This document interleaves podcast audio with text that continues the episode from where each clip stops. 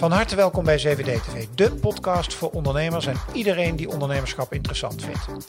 Mijn naam is Ronnie Overhoorn en op CVD TV ga ik in gesprek met ondernemers en dat doe ik twee keer per week. Elke dinsdag en elke donderdag vind je hier een nieuw gesprek. Volg ons om niks te missen en laat een beoordeling of review achter op jouw favoriete podcastkanaal. Ik hoor heel graag wat je van CVD TV vindt. Voor nu heel veel luisterplezier. Mensen worden moedeloos, ze voelen zich niet gezien. Er wordt te veel gewisseld van leiding. Ik redeneer heel sterk vanuit de top hoor, daar zit de oplossing. Hoe agendeer ik Ja. bij mijn leidinggevende dat het een destructief leider is? Maar Ik zou er heel voorzichtig in zijn. We hebben vaak een romantisch beeld over leiderschap. Want leiders, dat zijn mensen die ons inspireren, die visie geven eh, en die richting geven. Maar in de praktijk werkt het vaak heel erg anders. Sterker nog, er is in veel gevallen zelfs sprake van destructief leiderschap met alle gevolgen van dien. Mijn gast schreef er een boek over. Welkom bij 7D TV. Leuk dat je kijkt naar 7D TV, het kanaal waar ik in gesprek ga met ondernemers en professionals. En dat doe ik twee keer per week. Wil je nou niks meer missen? Abonneer je dan op het YouTube-kanaal door hieronder op de abonneerknop te klikken. Of als je luistert naar de podcast, eh, abonneer je dan via jouw favoriete podcast-app. In een serie gesprekken die ik samen maak met Managementboek en uitgeverij Boom, praat ik met auteurs over hun boeken. En in dit gesprek is mijn gast Joost Kampen. Joost, van harte welkom.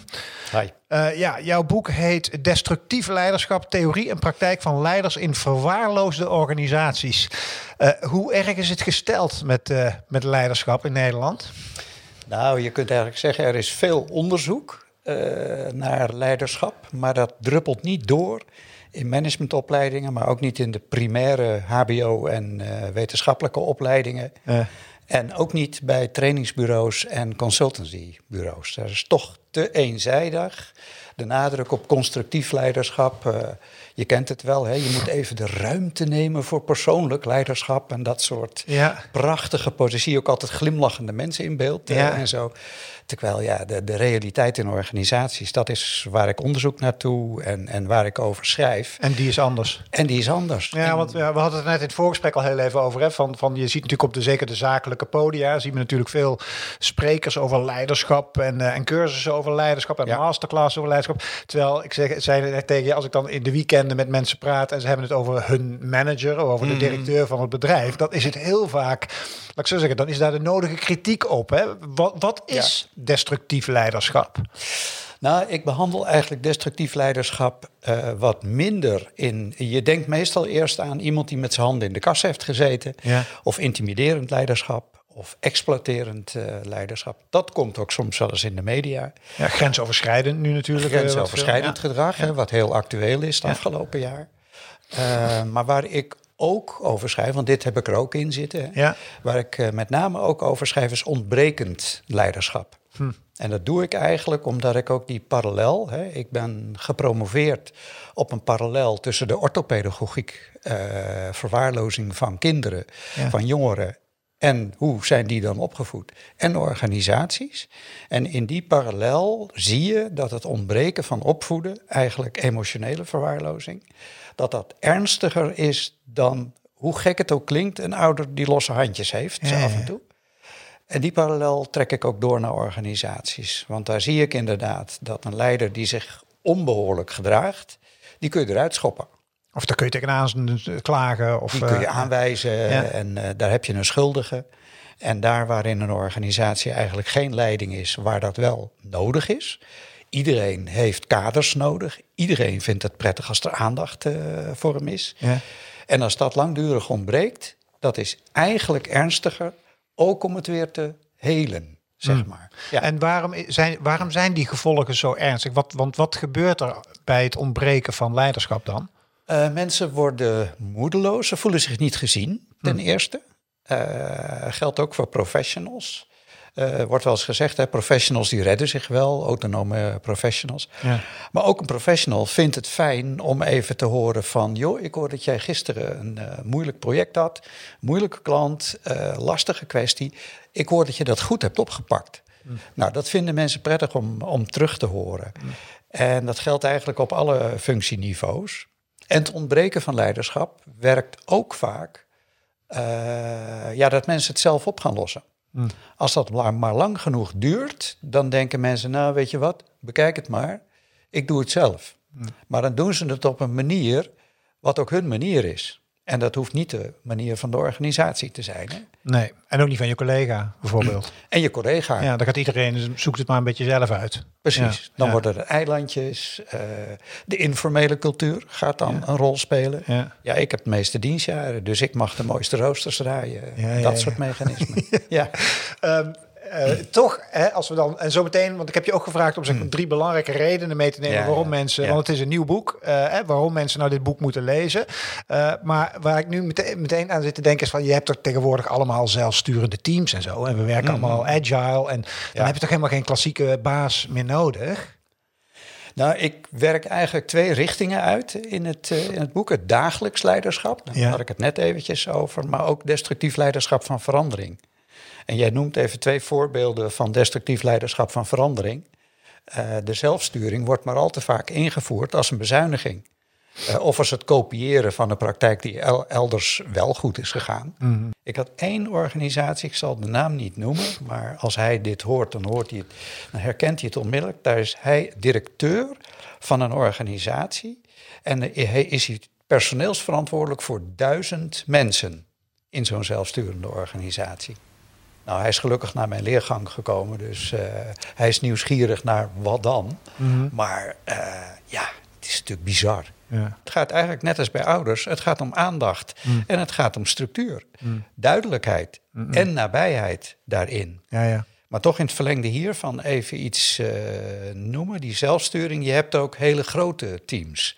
Dan is één teamleider, kan een hele goede leidinggevende zijn, die is verantwoordelijk voor zo'n 80 tot 140 mensen politie heeft dat bijvoorbeeld eh, vrij veel ingevoerd. Ja, hoe goed je ook bent, je kunt je mensen dan natuurlijk nooit de aandacht geven die ze nodig hebben.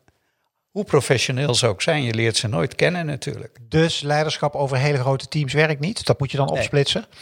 Uh, ja, je moet zorgen dat er voldoende leidinggevenden zijn. Ik noem dat gemankeerd leiderschap in mijn nieuwe boek. Mhm. Omdat dat niet zozeer ligt aan de persoon die het uitoefent, maar aan de organisatiestructuur.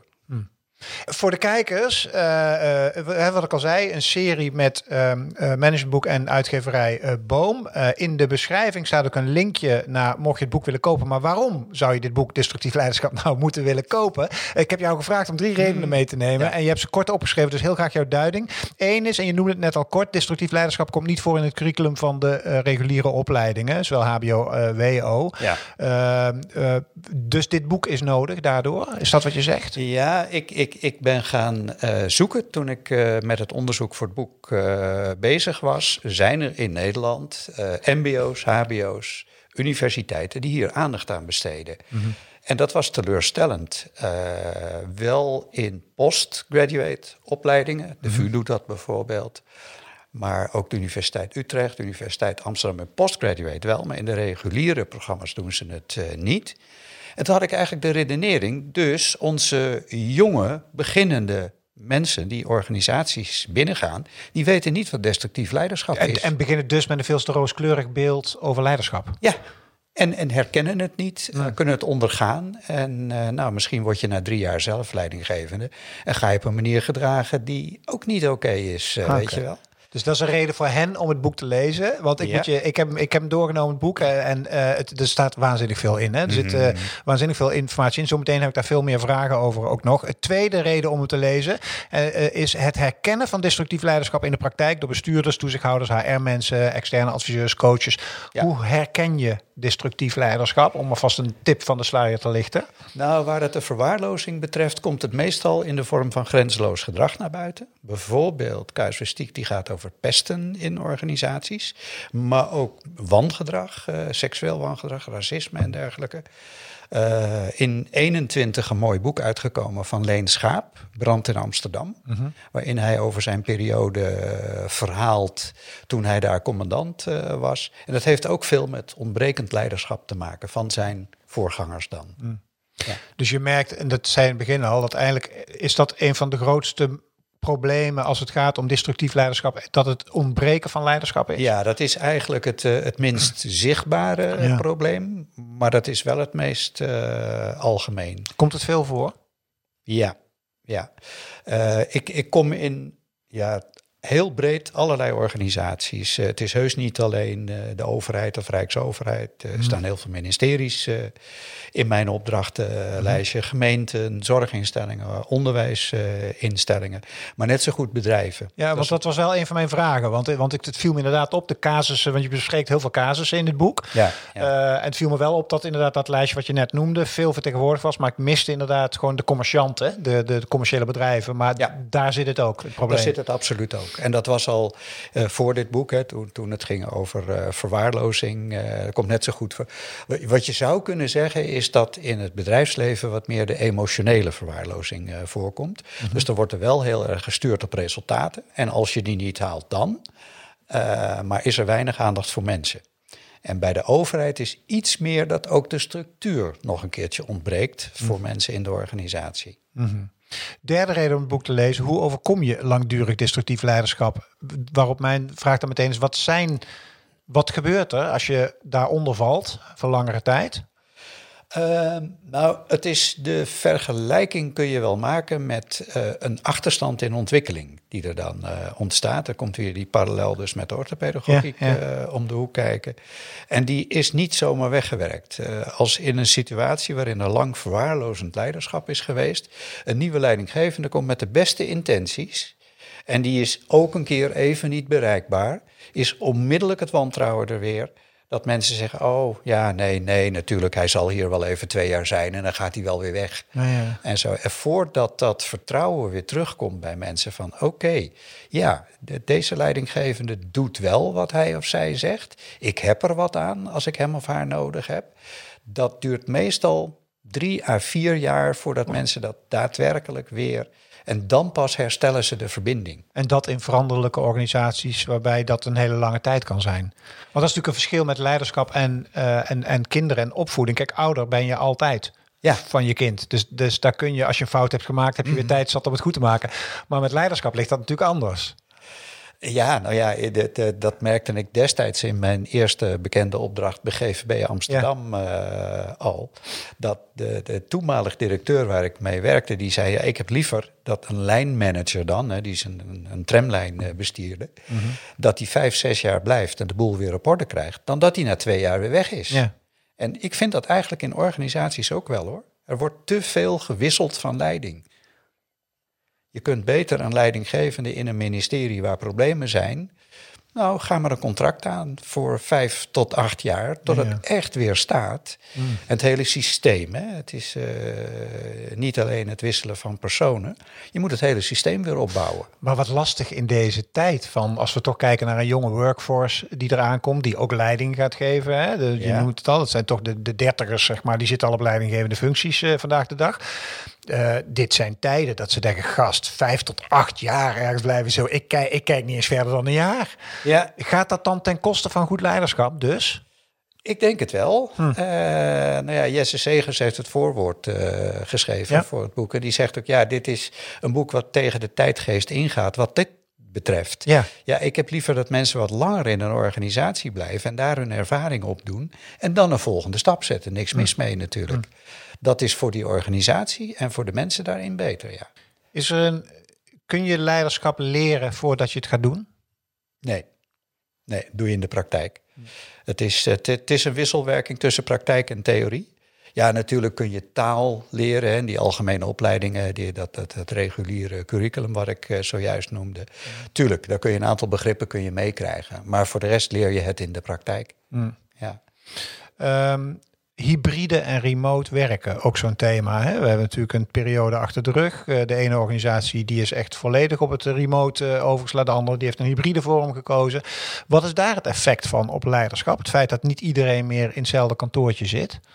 Nou, als je je afspraken maar helder maakt, dan kan het goed gestructureerd lopen. Ik bedoel, mm. met hybride werken nu uh, maak vaak genoeg mee dat als die afspraken volstrekt helder zijn, dan kun je elkaar ontmoeten wanneer je dat afgesproken hebt. Mhm. Het probleem zit hem daar vaak in dat die afspraken niet helder zijn en dat iedereen maar een beetje zijn eigen ding doet. Mhm. Ja, en dan is het uh, net als in de coronaperiode, uh, mensen zijn op zichzelf aangewezen, mixen allerlei dingen en zo. En dan raakt het gemeenschappelijk uit beeld daarin.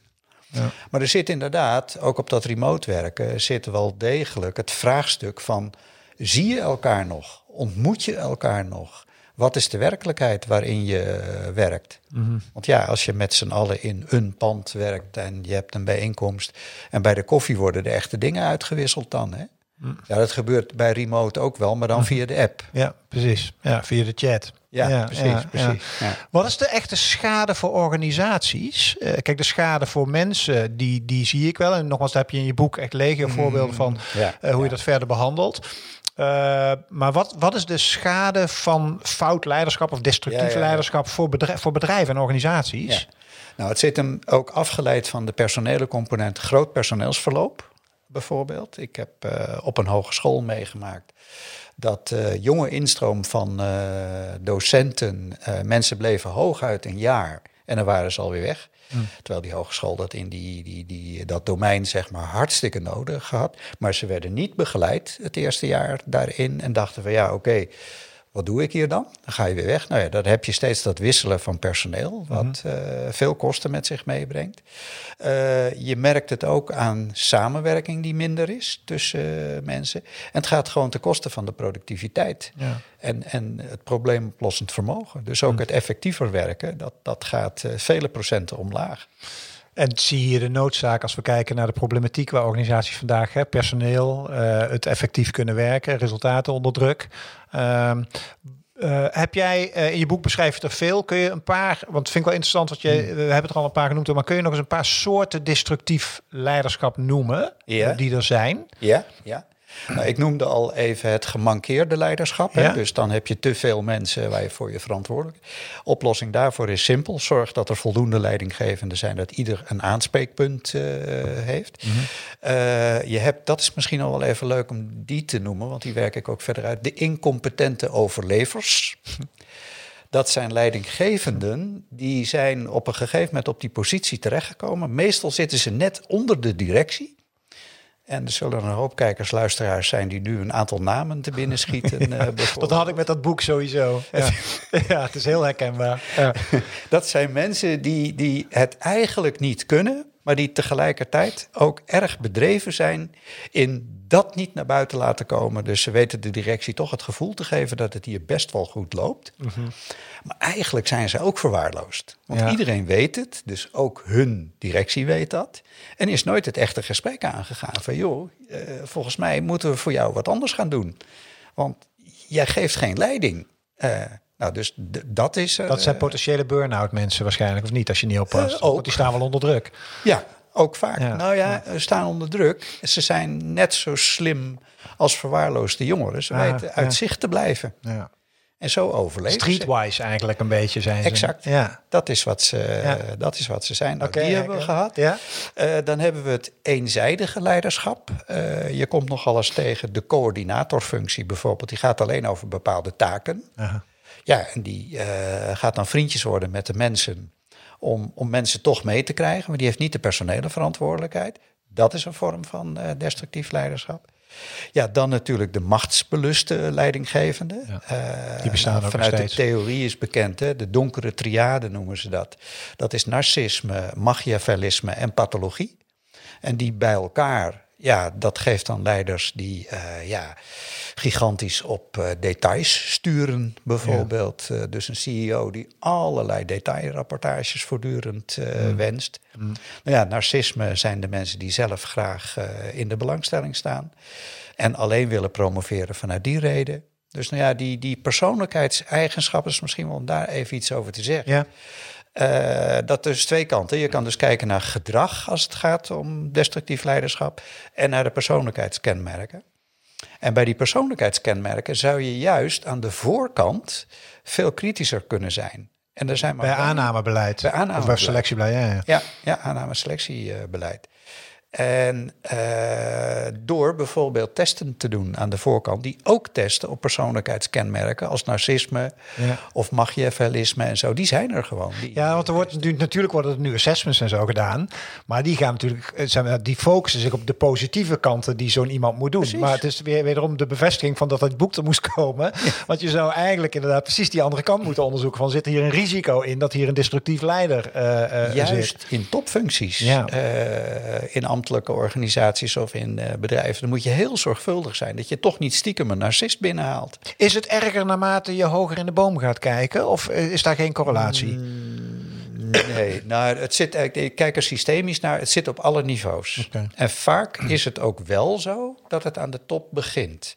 Dus waar teamleiders geen leiding geven, zijn ze ook nooit aangesproken door hun afdelingshoofden of managers. En die manager is op zijn beurt nooit aangesproken door een directeur of bestuurder. Ik, uh, ik kijk naar dit gesprek. Ik ga straks jouw boek lezen. En ik denk, dikke me toch, ik herken het heel erg. Uh, dat kan op twee manieren. Of mm, ik ben zelf eigenlijk best wel destructief als leider bezig. Mm -hmm.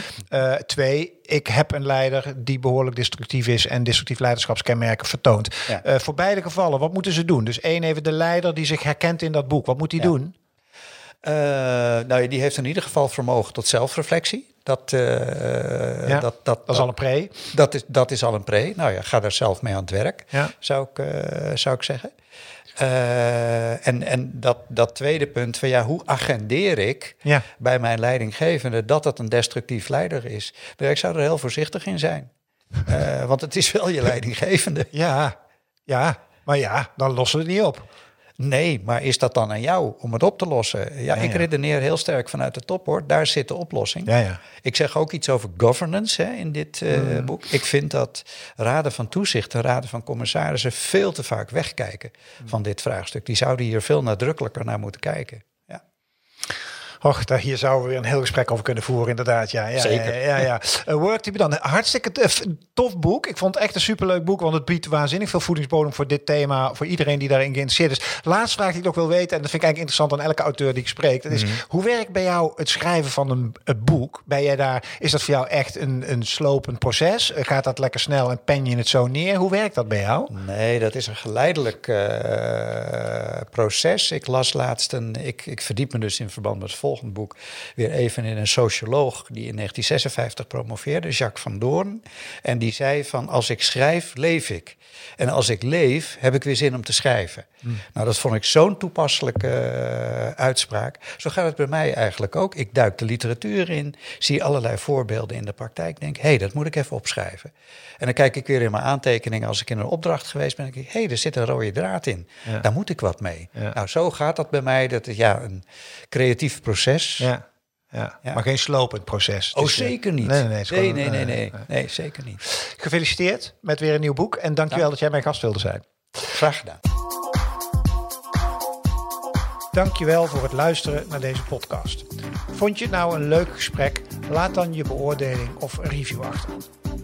En weet dat CVD-TV heel graag samenwerkt met ondernemers en bedrijven om mooie gesprekken te maken over ondernemerschap in de volle breedte. Wil je daar nou meer over weten? Kijk dan op www.partner7dtv.nl. En als laatste, vind je de podcast leuk, maar wil je heel graag de gezichten erbij zien? Weet dan dat CVD-TV ook als YouTube-kanaal beschikbaar is. Dankjewel voor het luisteren.